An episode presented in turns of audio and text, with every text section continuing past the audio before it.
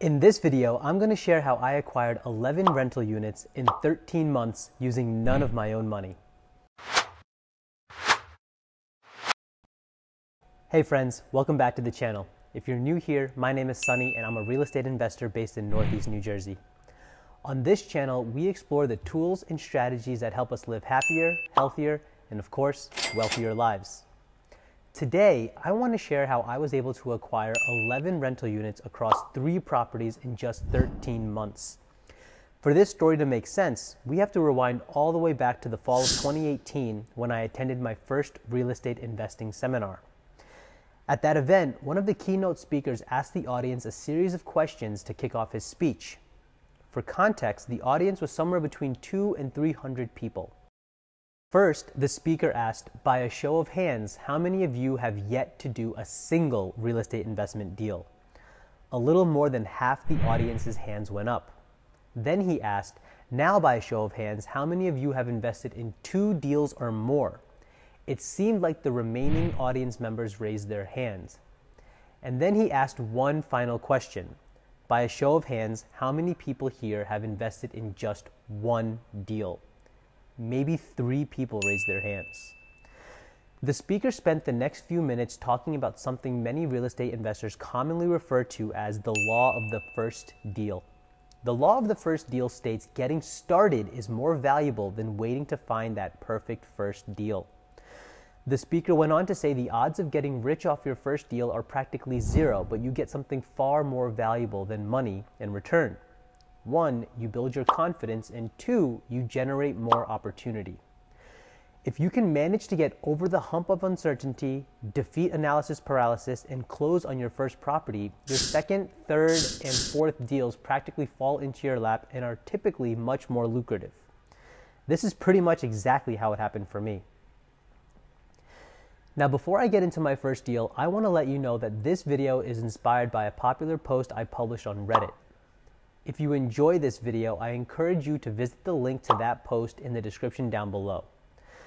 The real estate investing subreddit had a bunch of insightful questions for me, and I answered all of them. So, chances are, if you have a question about today's video, I already answered it there. If you have a new question, please feel free to leave it in the comment section down below.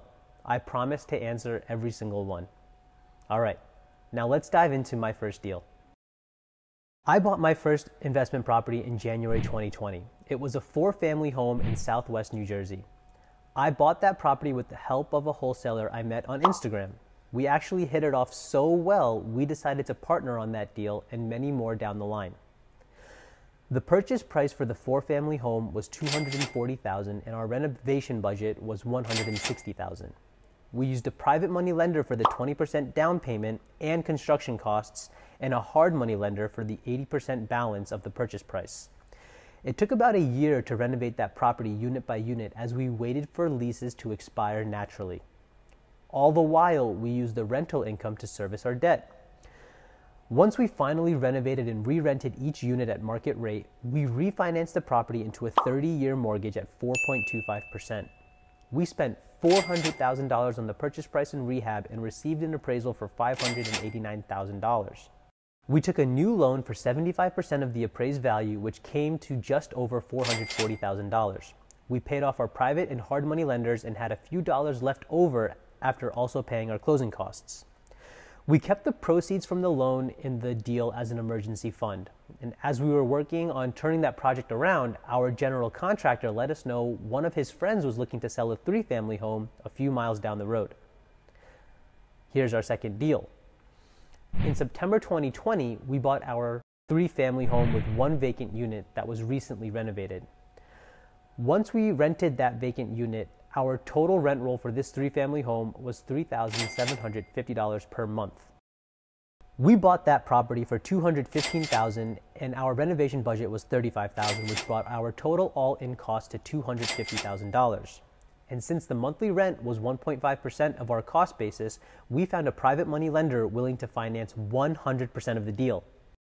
We are currently in the process of refinancing this property into a 30 year mortgage at 4% to completely pay off our private money lender. We anticipate the appraised value of this three family home to come in around $330,000, which will let us obtain a new loan of $250,000, assuming we get 75% of the appraised value. This will likely be a rate and term refinance, so there won't be any proceeds from the new loan. Not great, but not bad either, considering we created roughly $75,000 in equity that didn't exist before. Now for our third deal, the four unit mixed use.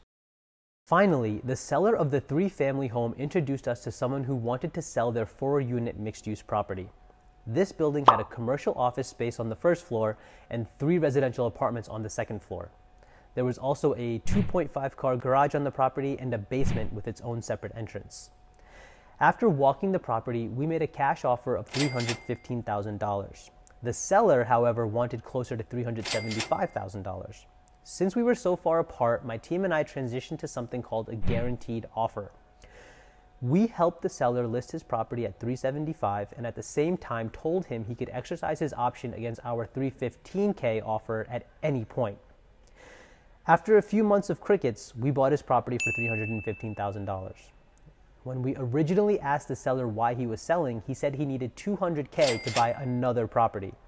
Since we knew he only needed 200 of the 315, we asked if he would consider seller financing $100,000 towards our purchase. He agreed, and we found one private money lender to fund the balance of the purchase price and another private money lender to fund the $45,000 renovation cost. We are now all into this project for roughly $360,000. When we took over this property, the monthly rent roll was about $3,250. Today, we're collecting $5,700 per month. We were able to almost double the rent because we monetized the basement and garage as storage units and brought the residential units up to market rate after some cosmetic renovations. We're in the process of refinancing this project as well and expecting to receive an appraised value of $600,000. We will then take a new loan of 450k, assuming 75% of that appraised value. After paying off our existing loans of $360,000 in closing costs, we should have anywhere from $50 to $75,000 left over to put into our pockets tax free. If all goes according to plan, this third deal will be our lucky charm. Not only will we be into this deal for no money and create 150k of equity, but we will also be able to walk away with some cash proceeds from the new loan amount. It took three swings, but this was the home run we were looking for. If we continued to wait for a deal like this, it may have never fell into our laps. So let's recap. If you told me a few years ago that I would be able to buy 11 rental units across three properties in as little as 13 months using none of my own money, I would have called you crazy. But I can now confidently say that the law of the first deal holds true. My first deal led me to my second deal, which ultimately led me to my third deal. Getting into the game was hard, but staying in the game has been pretty easy. More recently, we've started wholetailing and wholesaling properties because we're coming across more opportunities than we can chew on. If you enjoyed this video, please share it with a friend. Don't forget to subscribe, and if you want to see more videos like this, check out my real estate and business playlist. See you next week.